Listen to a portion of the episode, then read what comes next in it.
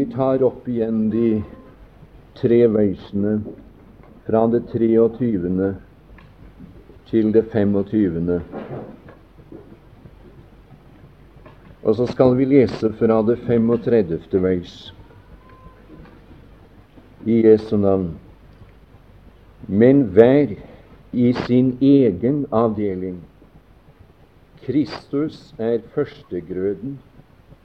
Deretter skal de som hører Kristus til, levendegjøres ved Hans komme. Deretter kommer enden, når Han overgir riket til Gud og Faderen, efter at Han har tilintetgjort all makt og all myndighet og velde. For han skal være konge inntil han får lagt alt, alle sine fiender under sine føtter. Og så leser vi fra det 35. vers til og med vers 50. Men en kunne si, hvorledes oppstår de døde, og med hva slags legeme kommer de frem? Du dåre, det du sår, blir ikke levendegjort uten det dør. Og når du sår, sår du ikke det legeme som skal bli, men et nakenkorn, kan hende av hvete eller av noe annet slag. Men Gud gir deg et legeme efter sin vilje, og hvert slags sæd sitt eget legeme. Ikke alt kjøtt er det samme kjøtt, men ett er kjøtt i mennesker, et annet i fe, et annet i fugler, et annet i fisker. Og der er himmelske legemer, og der er jordiske legemer. Men én herlighet har de himmelske legemer, en annen de jordiske. En glans har solen, og en annen månen, og en annen stjerne. For den ene stjerne skiller seg fra den andre glans. Så er det òg med de dødes oppstandelse. Det såes i forgjengelighet, det oppstår i uforgjengelighet. Det såes i vanære, det oppstår i hellighet. Det såes i skrøpelighet, det oppstår i kraft. Det såes et naturlig, vi kan gjerne lese et sjelelig, for det er det riktige. Det såes et sjelelig legeme. Der oppstår et åndelig legeme. Så hvis som det gis et naturlig legeme, gis det òg et åndelig legeme. Således er det òg skrevet det første mennesket Adam ble til en levende sjel. Den siste Adam er blitt til en levendegjørende ånd. Men det åndelige er ikke det første, men det naturlige. Deretter det åndelige. Det første mennesket var av jorden jordisk, det annet mennesket er av himmelen. Sådan som den jordiske var, så er òg de jordiske, og sådan som den himmelske er, så skal òg de himmelske være. Og like som vi har båret den jordiskes bilde, så skal vi òg være den himmelskes bilde. Men dette sier jeg, brødre, at kjød og blod kan ikke arve Guds rike, heller ikke arver forgjengelighet, uforgjengelighet. Amen.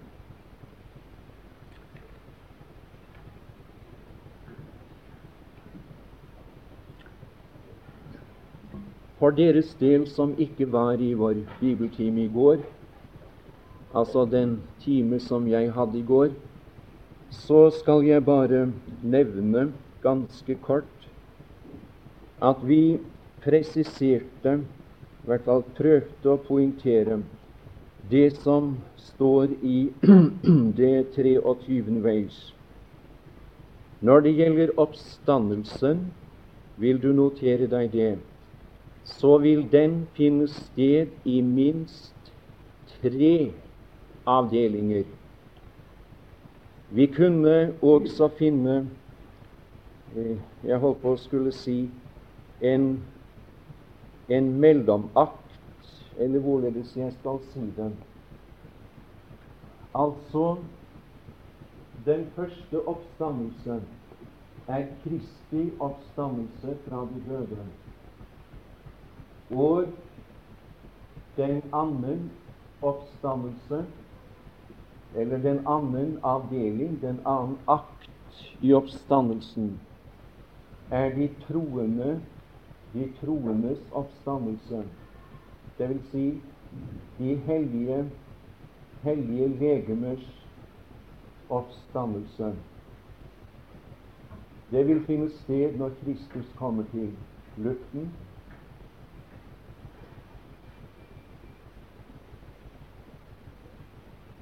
Det blir altså her på kartet. Jeg synes det er veldig greit at vi kan, at vi kan se det på samme tid som vi hører det. Og det var Sveinland som nevnte noe i går. Altså, når Kristus kommer til luften, så vil, så vil de, de troendes legemer stå opp. At de hensovres legemer stå opp. Det er det vi skal komme litt inn på nå. Men der tales også i Åpenbaringens bok om noen som skal stå opp når Kristus kommer til omveldet og skal dømme levende folkeslag. Det er altså den begivenheten her. Og der skal de som har gitt sitt liv under den store antikristelige trengsel, de som var villige til å gå i døden for ham på grunn av de vitnesbyrd og de ord de vitner. De skal deg stå opp, sier Skriften. Du kan lese om det i Åpenbaringens bok, det 20. kapittel. Men det vi særlig eh, stanset for i går, det var hvilken betydning Kristi oppstandelse har for oss mens vi vandrer her ved tro på Ham. Og jeg tror at når alt kommer til alt, så er det vel ikke noe som betyr så meget for oss i det praktiske liv som troende. Når det gjelder det å leve livet som en kristen, da vet jeg ikke noe som har betydd så meget for meg som nettopp Kristi oppstandelse fra de døde og hans plass hjemme ved tronen i Guds nærhet, som min mann, som min representant. Og jeg skulle ønske at vi kunne se noe av det vi var inne på i går, om vi ikke har sett det før, og mulig at det kunne bli klarere for oss enn det har vært før. Vi nevnte spesielt to-tre ting i denne forbindelse. For det første at vi er hans brødre. Han er ikke vår bror. Det står det ikke noen steder i Skriften. Men vi er løftet opp til å være hans brødre. Og det var den tanken som jeg gjerne ville at du skulle ta med deg fra disse timer. Det er ikke vi som, som drar ham ned. Det må det absolutt ikke være. Vi må komme i huet at det er Han som har løftet oss opp. Det er Han som ikke skammer seg ved å kalle oss brødre. Og den andre tanke at vi er like velbehagelige for Faderen som Sønnen er velbehagelig for ham. Og like høyt elsket som Kristus er elsket. Det kunne være flere ting å nevne, men for tidens skyld får du bare ta med dette. Og så kan vi skrive et romertall 2, romertall 2 Og bak det Jeg liker så godt å ha det litt skjematisk. Jeg håper at det ikke blir altfor skjematisk. Men det er godt for oversiktens skyld senere hen. Derefter deretter skal de som hører Kristus til, levendegjøres ved Hans komme. Sett et totall i margen der på din bibel hvis du i det hele tatt pleier å, å merke Bibelen. altså ett-tallet står foran Kristus er førstegrøden. Og totallet foran deretter skal de som hører Kristus til, levendegjøres ved Hans komme. Det er den annen avdeling i oppstandelsen.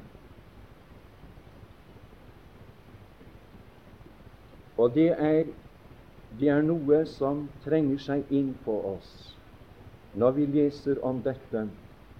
Det er et spørsmål som uvilkårlig reiser seg når vi leser om dette i Guds ord. Det er i hvert fall slik for meg. Og det er det spørsmålet hvor er de frelste som allerede er hensovet? Hvor er de nå? Og hvorledes har de det?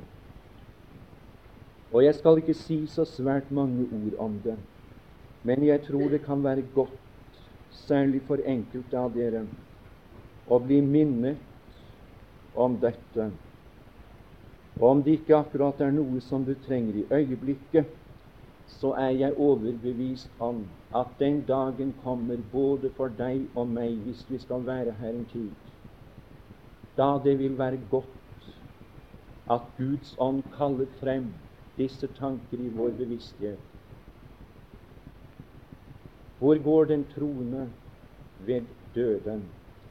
Aurebekk nevnte noe om at i Det gamle testamentets tid, altså før Kristi død og oppstandelse, da gikk de troende ned til dødsriket ved døden. Men Gud være takk, det har skjedd en forandring.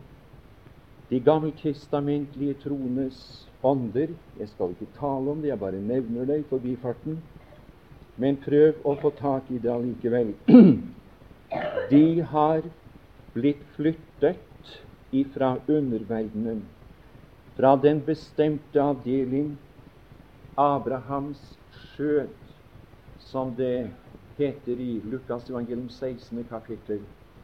Og de er brakt inn i Guds nærhet.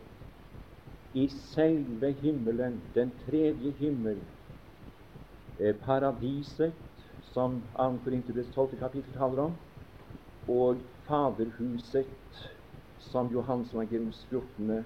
kapittel uh, uttrykker det.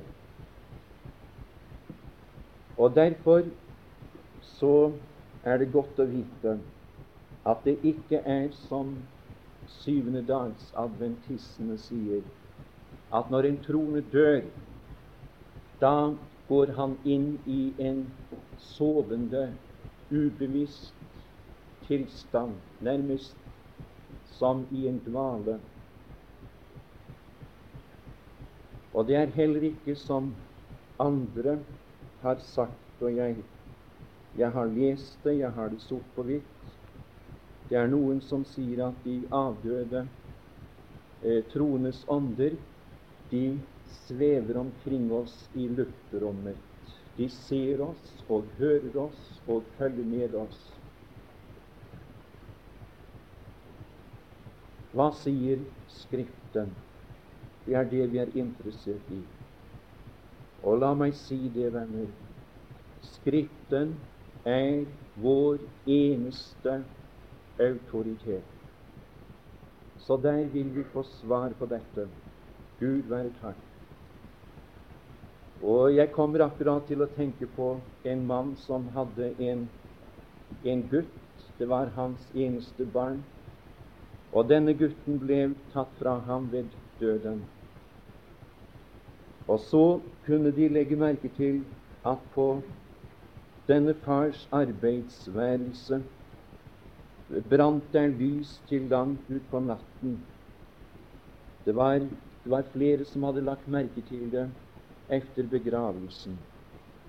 Og en dag når de traff denne mannen, det var en venn som traff ham ute på veien, så sier han, Si meg, hva bestiller du så sent på aftenen?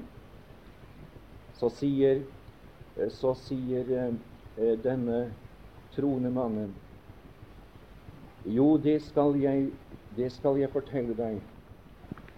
Jeg sitter og leser i Bibelen for om mulig der å finne ut hvor min sønn er gått hen, og hvorledes han har det. Ja, venner, her er boken som gir svar på det, eller på de spørsmålene. Hvor er de gått hen, og hvorledes har de det? Vi skal få svar på det. Mine. Og jeg synes det er så fint, det som står i 2. Korinterbrevs 5. kapittel vers 8. Det lyder sånn Vi er altså frimodige og vil heller være borte fra legene og hjemme hos Herren. Det er noe annet enn å sveve omkring i luften. Og det er noe annet enn å gå inn i en dvaletilstand. Nei, hør nå. Så snart dødsprosessen er over, så er jeg, om jeg må gå den veien, så er jeg der.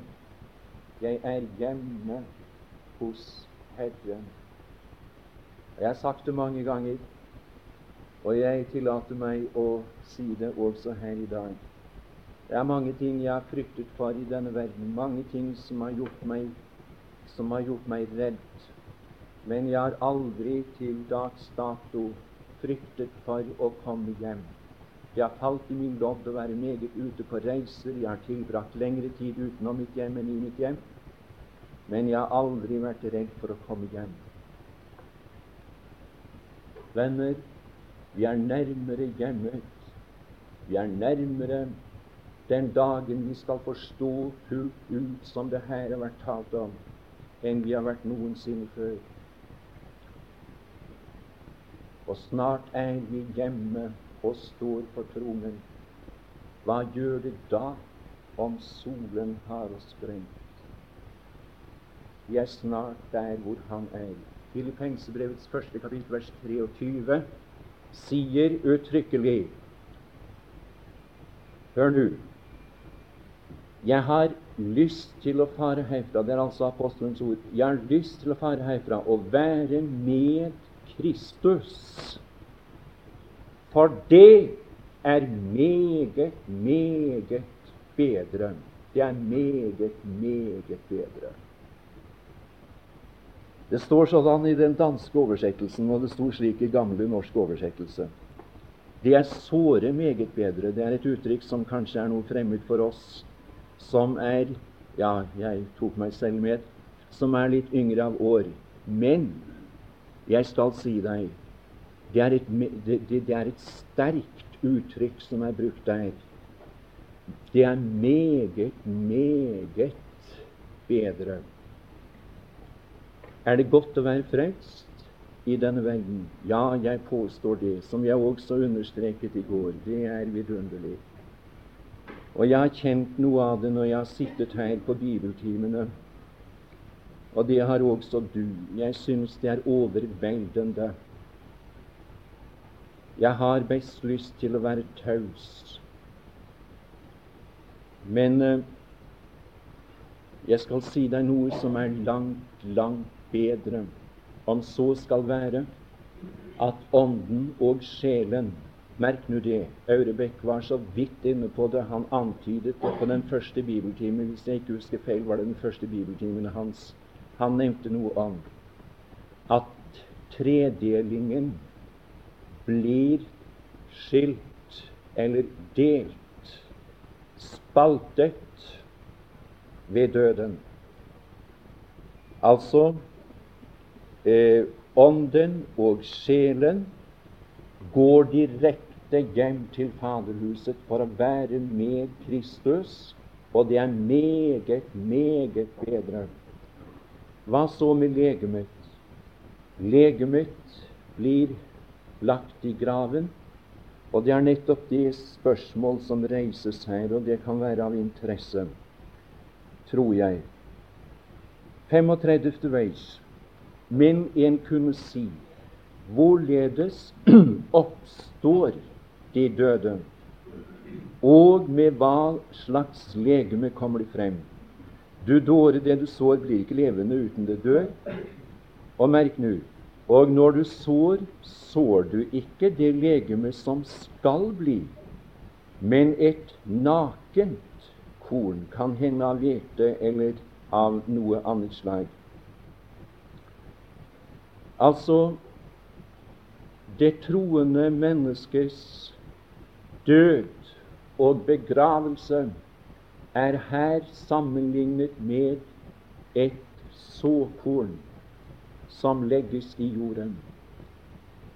Man sår ikke det som skal bli, men allikevel, de som forstår seg på det, og det er vel kanskje noe som de fleste av oss kjenner til, der er en kime i dette såkorn som bevirker at det kommer opp nye korn. Ikke sant? Og slik er det også, så langt jeg kan forstå. Der er en kime i dette gamle legemet, i dette jordiske fornedrelseslegemet, som gjør at det vil komme opp et nytt legeme, men på samme tid så vil det være noe av det legemet jeg har her. Kimen er der. Og nå kan vi skrive eh, Vi kunne skrive et ett-tall og ta med der og tenk over det. Oppstandelseslegemet vil ikke være en belønning for vår tjeneste. Oppstandelseslegemet vil ikke være en belønning for vår tjeneste, men et resultat eller en følge av Kristi oppstandelse. Og det er meget viktig. Det kan du være ganske viss om. Jeg skal gjerne gjenta oppstandelseslegemet er ikke en belønning for vår tjeneste som troende i denne verden, men en frukt eller et resultat, en følge av Kristi oppstandelse. Og derfor, nettopp derfor, skal vi alle få et legeme som er likt Hans herlighetslegeme. Og det skal ikke for seg være. Vi skal få et legeme som er likt Hans hellighetslegeme. Det vil en gang være for seg under rikets tidsalder. Når Kristus sitter på Davids trone, og vi skal herske med ham, da vil det være for seg. Men når det gjelder oppstandelseslegemet, så langt jeg kan skjønne og forstå, så vil det ingen forskjell være. Vi skal få et legeme som er likt Hans herlighetslegeme. Det er nevnt på flere steder i Skriften. Og vi kunne i denne forbindelse ta med 1. Johannes 3, vers 2. 1. Johannes 3, vers 2. Og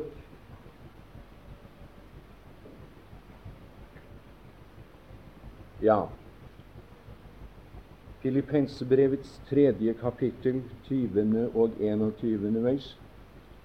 Filippensebrevet 3, 20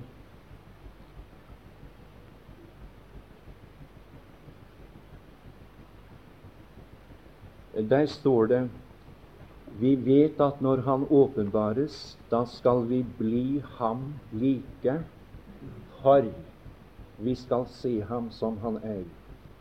Altså Det begrunnes med at vi skal se ham som han er. Jeg så ham en gang, og hvilket resultat ble det av det? Jo, det ble gjenfødelse. Det ble en ny natur. Jeg fikk nye øyne. Jeg fikk nye ører. Jeg fikk nye interesser. Og jeg liker så godt disse tre ordene som jeg talte om en aften forleden. Vi så ham. Esaias 53, vers 2. Vi så ham. Jeg kan ikke forklare det på noen annen måte. Jeg kommer litt nærmere inn på dette her kanskje eh, hvis eh, det legger seg sånn til rette nå i timene.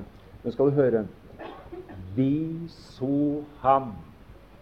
Og resultatet, det var den følelse.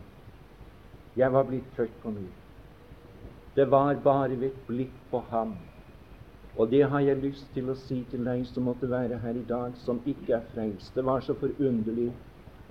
Jeg har fått noen brev fra Danmark, fra de som sto for ledelsen på bibelstevne på Villsundstrand i Nord-Jylland som vi hadde her nå like over Hans. Og så fortalte de at det var flere av de som var der, som hadde, som hadde tatt standpunkt for Kristus etter at de kom hjem fra stevnet, særlig yngre mennesker.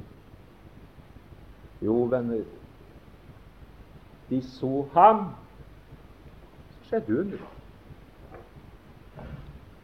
Og om du fikk se ham som det blødende Guds lam i formiddag, da skal jeg si deg, min venn, alle hensyn måtte fare, og så måtte du her og nå kanskje bryte av når jeg står her, og så si ta meg med i bønn.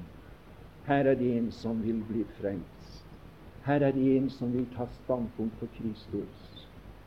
Eh, eller som hun sa det, denne, denne kvinnen som jeg nå tenker på, kan ikke nevne akkurat stedet hvor det skjedde, men hun gikk hjem, og så sa hun 'Jeg hørte meg frelst'. Jeg hørte meg frelst. Hun fikk se ham. Så gikk hun hjem til sin mann, og så sa hun 'Jeg er frelst'. Det kan skje her mens du sitter og lytter i dag. Og vi skuer ham. Vi skuer ham. Vi ser ham. Vi betrakter ham. Vi er opptatt med ham. Vi fordyper oss i ham. Og det er nettopp det som står skrevet i 2. Korinterbrevs 3. kapittel og det 18. veis Vi som med utildekket åsyn skuer Herrens herlighet som i et speil. Vi blir alle forvandlet til det samme bildet fra hellighet og til hellighet som av Herrens ånd. Hva er resultatet? Helliggjørelse. Det er det Arnold har talt om. Og jeg skal si deg, du behøver ikke å legge to penger i kors. Du behøver ikke å studere på hvorledes det skal foregå. Du skal han besørge. Bare du er opptatt med ham og begynn å fordype deg i ham. Tilbring egen tid med ham. Si meg hvem du omgås, jeg skal si deg hvem du er. Det slår aldri feil. Og de sa om de første kristne, de kjente dem igjen, leser vi. De hadde vært med Jesus. Tilbring egen tid med den Herre Jesus over en åpen bibel og på dine knær i enerom med ham. Det er det Karmøy trenger, mine tilhørere.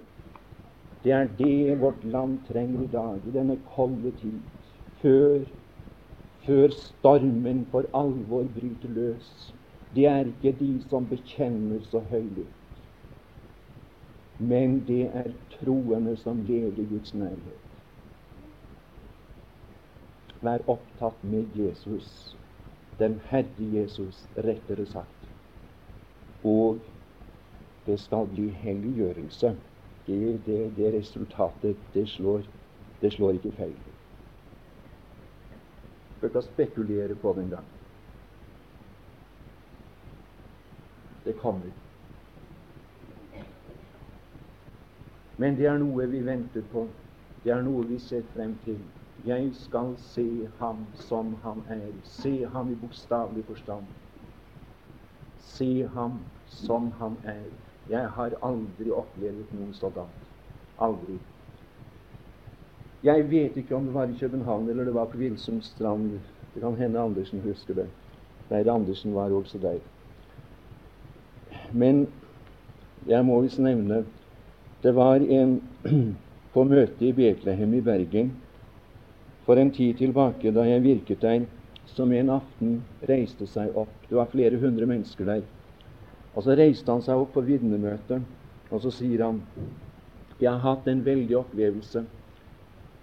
Ja, vet dere, sa han, jeg har virkelig sett den Herre Jesus, sett ham som han er, i herligheten. Og det store tid, tenkte jeg. Du vet ikke meget om hva du taler om.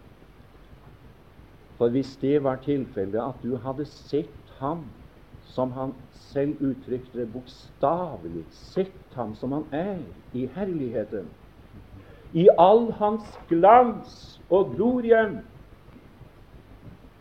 Jeg skal si deg, min venn, den mannen ville ikke vært i Betlehem den aften. Han ville ikke vært i Bergen. Han ville, han ville i det samme øyeblikk han fikk se ham bli forvandlet, transformert. Han ville få et legeme. Plutselig så var dette legemet som han hadde, blitt forvandlet. Og så var det blitt lik Kristi herlighetslegeme. Og så var det direkte hjem. Ja, må vi ikke forstå det slik? Jeg bare spør. Hør nå. Vi skal bli ham like for For vi skal se ham som han er. Det første blikk jeg hadde på ham som ung gutt, det virket følelse. Det er annet, altså det som jeg, som jeg prøver å, å praktisere i dag, å være opptatt med ham, se på ham, fordype meg i ham. Ja, det er ikke det. Jeg vil ikke holde meg frem som en mønster. Dere må ikke misforstå meg. Men jeg trives i hans nærhet. Det tør jeg si, og det skulle bare mangle. Å, jeg har fått sett ham under disse dyrebiner. Å, han er blitt dyrebar for mitt hjerte mens jeg har sittet her. det, det, det resultatet, det er helliggjørelse. Helliggjørelse. Og resultatet av at jeg ser ham i bokstavelig forstand, vil være helliggjørelse. Helliggjørelse. Et legeme likt hans skal vi skrive totall. Oppstandelseslegemets karakter og oppstandelseslegemets karakter. Romerne 8, vers 29. Og vil du skrive dette Jeg liker å diktere litt, i hvert fall når det skal være en bibeltime. Oppstandelseslegemets karakter. Det var bak totallet. Og er det noe dere ikke får tak i, så bare spør. Her er forholdet mellom det jordiske legeme og det himmelske legeme beskrevet. Her er forholdet mellom det jordiske legeme og det himmelske legeme beskrevet. Det jordiske legemes død og begravelse er sammenlignet med et korn som såes i jorden. Og Det er nettopp det som vi her nå har lest. Når du sår, sår du ikke det legeme som skal bli, men et nakent korn kan hende av hvete eller av noe annet.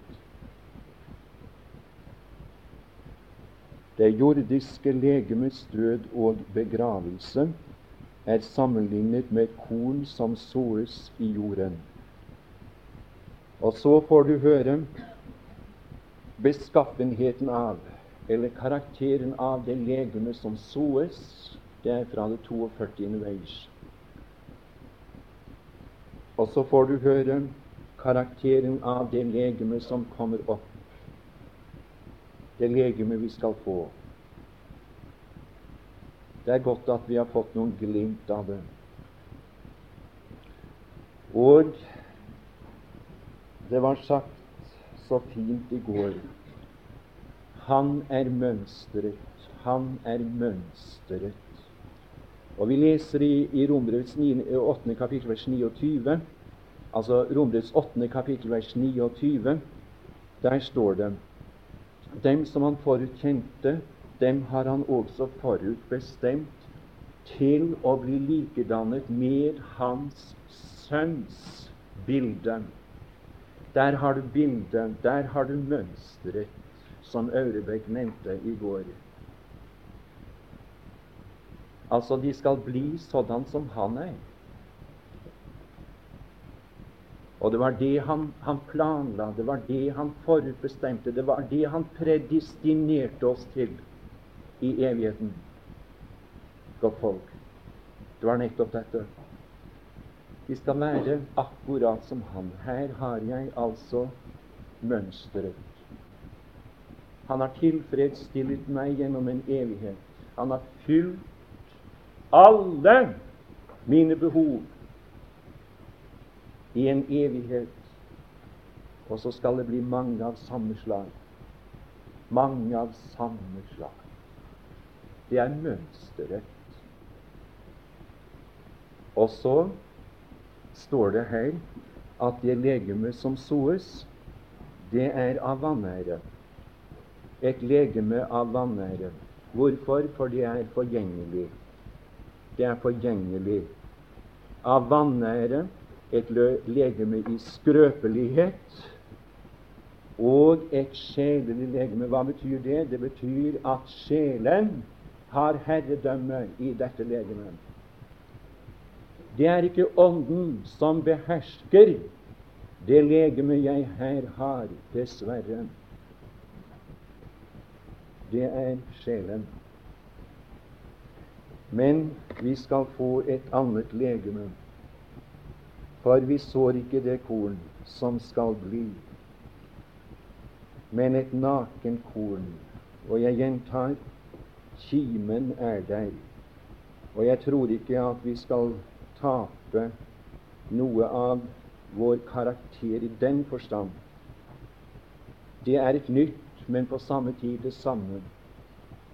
Ja, sådan ser jeg på det ut fra disse ordene. Og så skal du høre Du kan skrive f.eks. ganske enkelt et ett-tall, og bak det et, en A. Et A. Et uh, stofflig legeme. Et stofflig legeme. Ikke et åndelig legeme i betydning av at det skal bare være en ånd. Jeg har hørt noen har sagt det at vi skal bli engler. Var vi ikke inne på det også skal tro i en av timene eller møtene her nå? Vi skal bli engler og det store tid. Vi skal bli langt mer. Langt mer enn engler.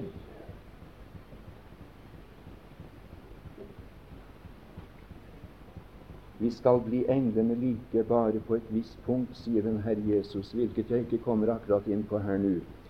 Men Altså, vi skal få et stofflig legeme. Og der kan du skrive Lukas 24, vers 39. Lukas 24, vers 39. Der sier den Herre Jesus bl.a. når han taler med disiplene på oppstandelsesdagen Han sier, merk nå, kjenn på meg, ta på meg. Altså, vi skal bli som Han er. Vi skal få et legeme likt Hans. Og da må det nødvendigvis være et stofflig legeme. Et materielt legeme. Men det merkelige er at selv om det er et stofflig legeme, så er det hevet over materie, rom og tid. Hørte du det, min venn? et materielt legeme som på samme tid er hevet over materien, over rommet, over tiden. Det er hva vi skal få. Og du husker det at når, når, når eh, kvinnene kom til graven tidlig morgen, så var stenen veltet bort fra Kristi grav. Stenen var veltet bort. De studerte svært på hvorledes de skulle få den bort. Men da de kom, så oppdaget de den er borte. Hvorfor var den borte? Hvorfor ble den veltet fra graven? Var det for å slippe hans legeme ut? Nei, du kan være ganske viss om det var like lettvint for ham å gå gjennom fjellveggen som det var å gå gjennom husets vegger på salen i Jerusalem i det 20. kapittel av Johans evangelium fortelles om det. Du kan skjønne det var like lettvint, det. Så stenen behøvde absolutt ikke å bli veltet bort for å få ham ut, hans legeme ut av graven. Men jeg skal si deg hvorfor stenen ble veltet bort. Jeg nevnte det i også på Sævland her forleden. Hør nå. Det var for å slippe deg og meg inn. Det var for å slippe deg og meg inn. Hvis den stenen ikke var veltet bort, så ville du og jeg aldri ha kommet inn i disse store sannheter som vi har vært opptatt med, f.eks. fra Efesbrevet i går aftes, da Aurebekk sto her og talte om at vi er velsignet med all åndelig velsignelse i himmelen i Kristus. Aldri ville de ha sett at vi hadde kommet inn i det når det gjaldt vårt erkjennelsesliv. Så var vi og ville vi være fremmed for det. Det er et sådant legeme vi skal få.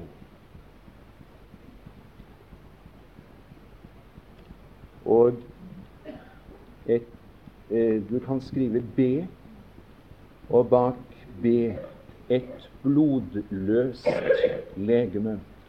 Et blodløst legeme. Lukas 24, vers 39.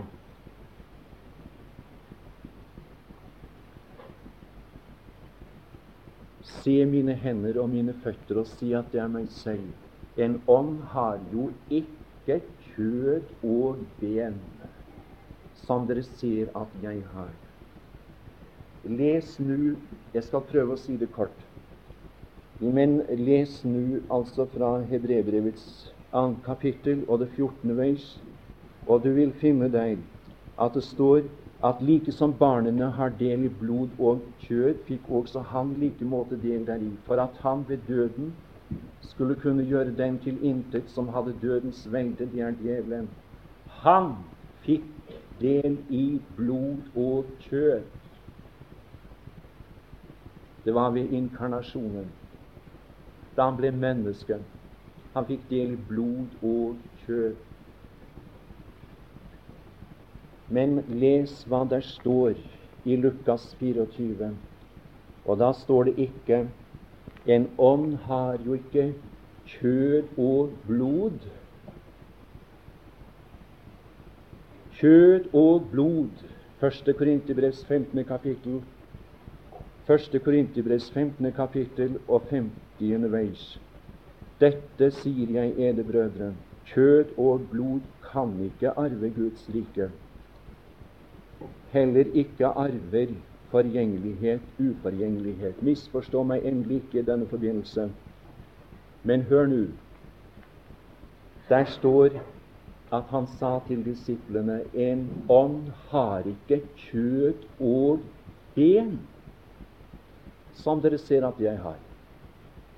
Og så sier du, hvor var blodet blitt av? Jeg skal si deg det, min venn. Jeg skal si deg det. Det rant på Golgata kors for syndere. Det rant for deg, og det rant for meg. Og hvis du er her Jeg holdt på å skulle si jeg håper at du er her. For du finnes i hvert fall i Åkrehamn, som enda ikke har akseptert det verk som der skjedde for deg, det rant også for deg. Og det er tilstrekkelig også for deg. Det er løsepengen som holder. Det er erlagt for din sjel. Og så kan du bare si, 'Herre Jesus, jeg kommer på blodets grunn'.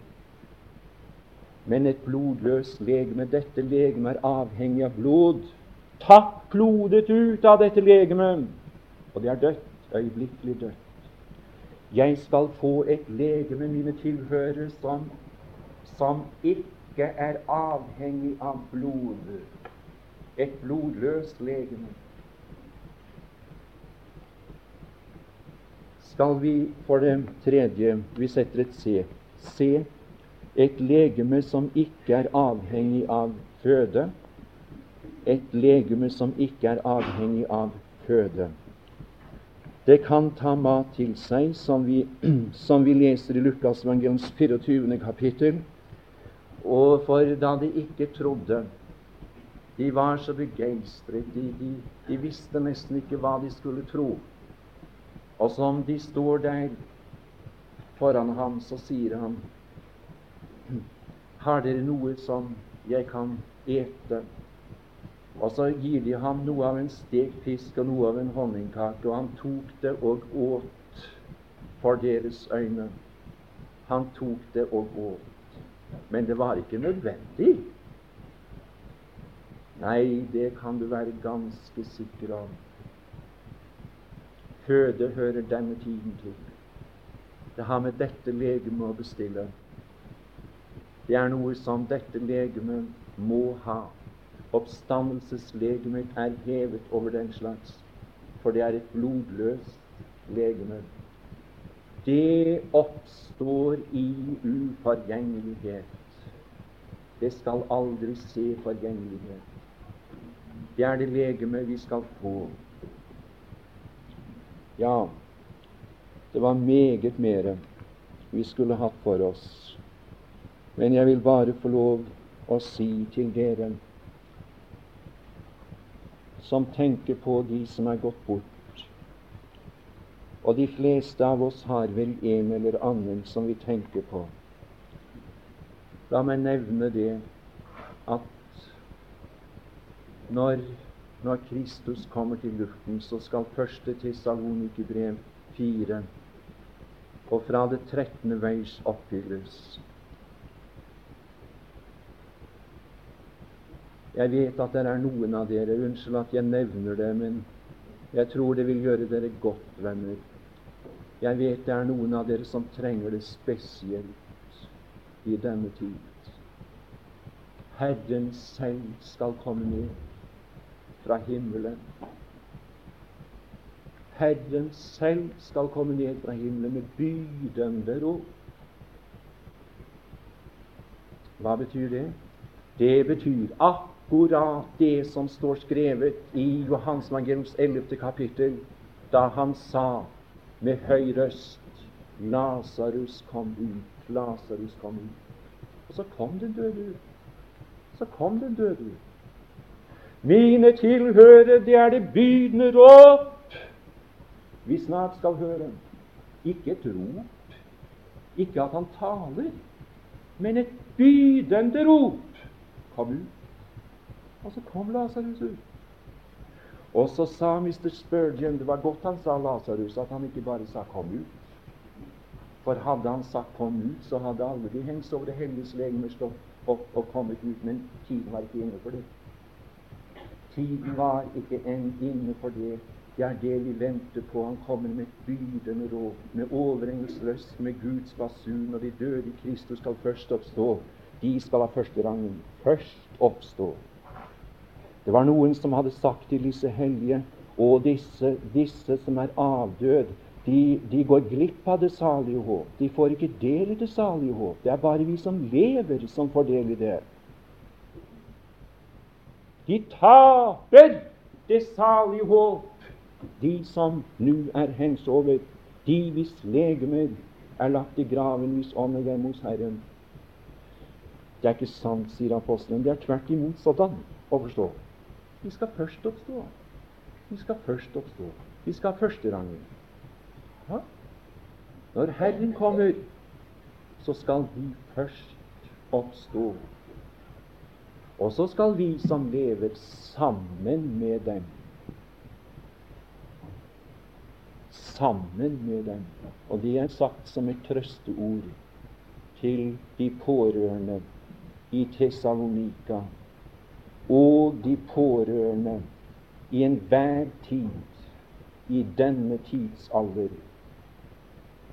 De som har måttet si farvel til noen, kanskje til den som sto seg nærmest i livet. Og om vi ikke har erfart det, dagen kommer, venner, da sorgen også gjester ditt og mitt hus. Vi er klokt i å regne med det. Men da sørger vi ikke således som de andre der ikke har håp.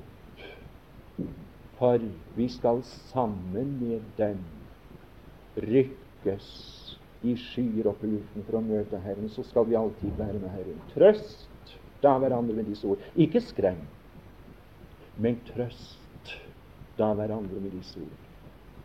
Gud gi at det kunne være et trøstespor til noen i dag. Det er noe stort vi, vi går i møte. Det kan du være ganske sikker på. Fader. Så har vi prøvd å se på noen noen av disse herlige ting som ditt ord taler om. Noe, noe av det som, som hører fremtiden til det som du egentlig hadde for øye da du, da du bukket imot døden på et forbannelsens tre, da du sa som en har uttrykt det, Død, nu kan du komme. Herre Jesus, takk at du gikk den veien for min skyld. Er det noen som har grunn til å være takknemlig, er det han som står her. Takk fordi du døde for meg. Takk fordi du stanset meg opp som ung gutt. Takk fordi du red meg ut av massen.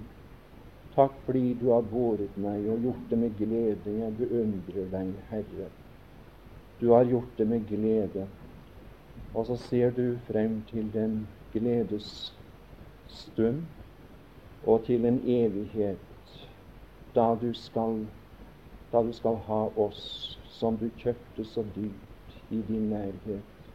Og vi er blitt deg like. Og vi, vi er blitt personligheter igjen som består av en tredeling ånd, sjel og legeme. Takk for denne frelse. Vi ønsker bare at noen må få del i den. Og jeg har tenkt på det under disse vekkelsesmøtene som har vært holdt her. Hva skal til? Hva må skje? Herre, vekk folket som sover så tungt, og redd noen i disse dager.